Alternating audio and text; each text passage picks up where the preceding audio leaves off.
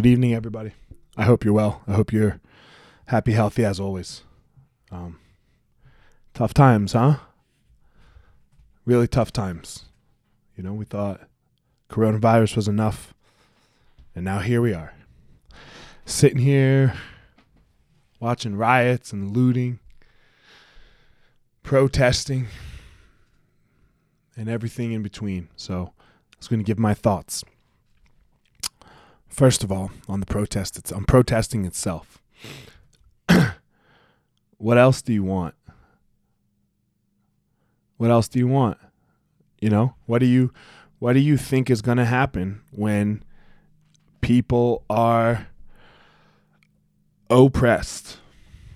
This is no different than Rodney King. It's the it, African Americans have been screaming about this for forever. And there's always been a but but he did something. But but let's see what happens. But the officer's life. But but you know and we we keep going through all these buts, you know?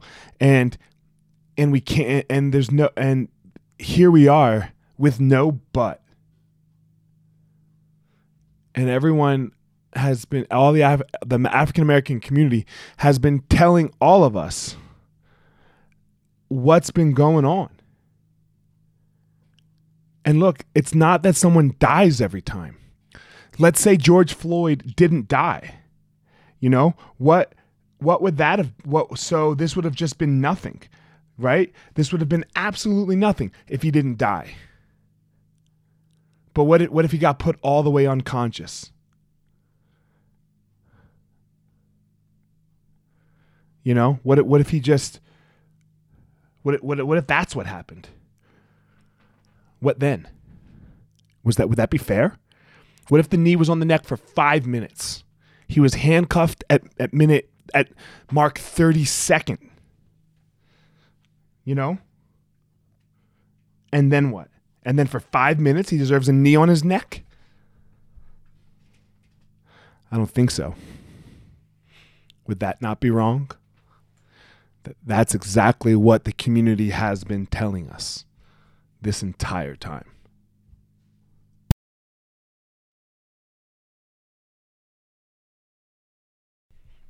So now to how we all how how we can feel about the riots.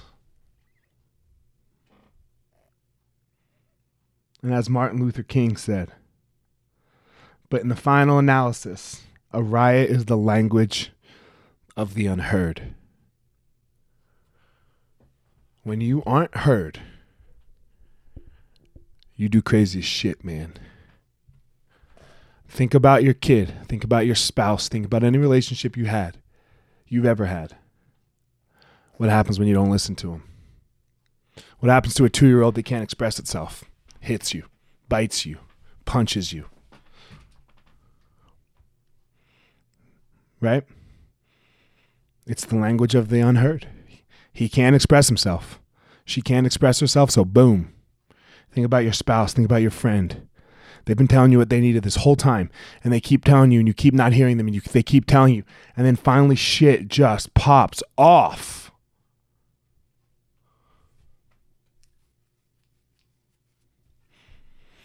Colin Kaepernick takes a knee.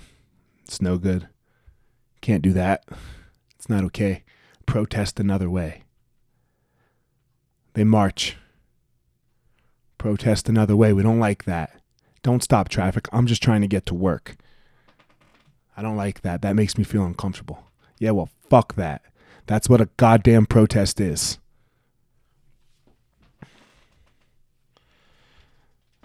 And I'm going to close here for today with my friend asked me, because I'm, as you all know, I'm half black. and can't really tell. It's hard to tell, you know? But I grew up with a black dad who you de- definitely could tell. And I learned how to deal with the police from him. And watching him get pulled over and watching the cops pull us over over and over and over again for nothing. For absolutely fucking nothing And what you what any of you can do first of all, if if this isn't your plight, is understand what it's like because this is how it rolls for me still. I can't get away from it because this is the only experience I've had and it's what I was taught. That when you have to deal with the police, that the first thought, as a law abiding citizen who's done nothing wrong, the first thought in my mind is to make sure that I survive this. That's not how it should be. And until we all can understand that, crime, no crime, nothing doesn't matter what doesn't matter what happened. But my first thought every time when I have to deal with a police officer is man. I really hope and I have to do whatever it takes to survive whatever goes on right now. And that's not okay. And until we all can grasp that and understand that and really feel that, we're going to keep having a problem. Find your power.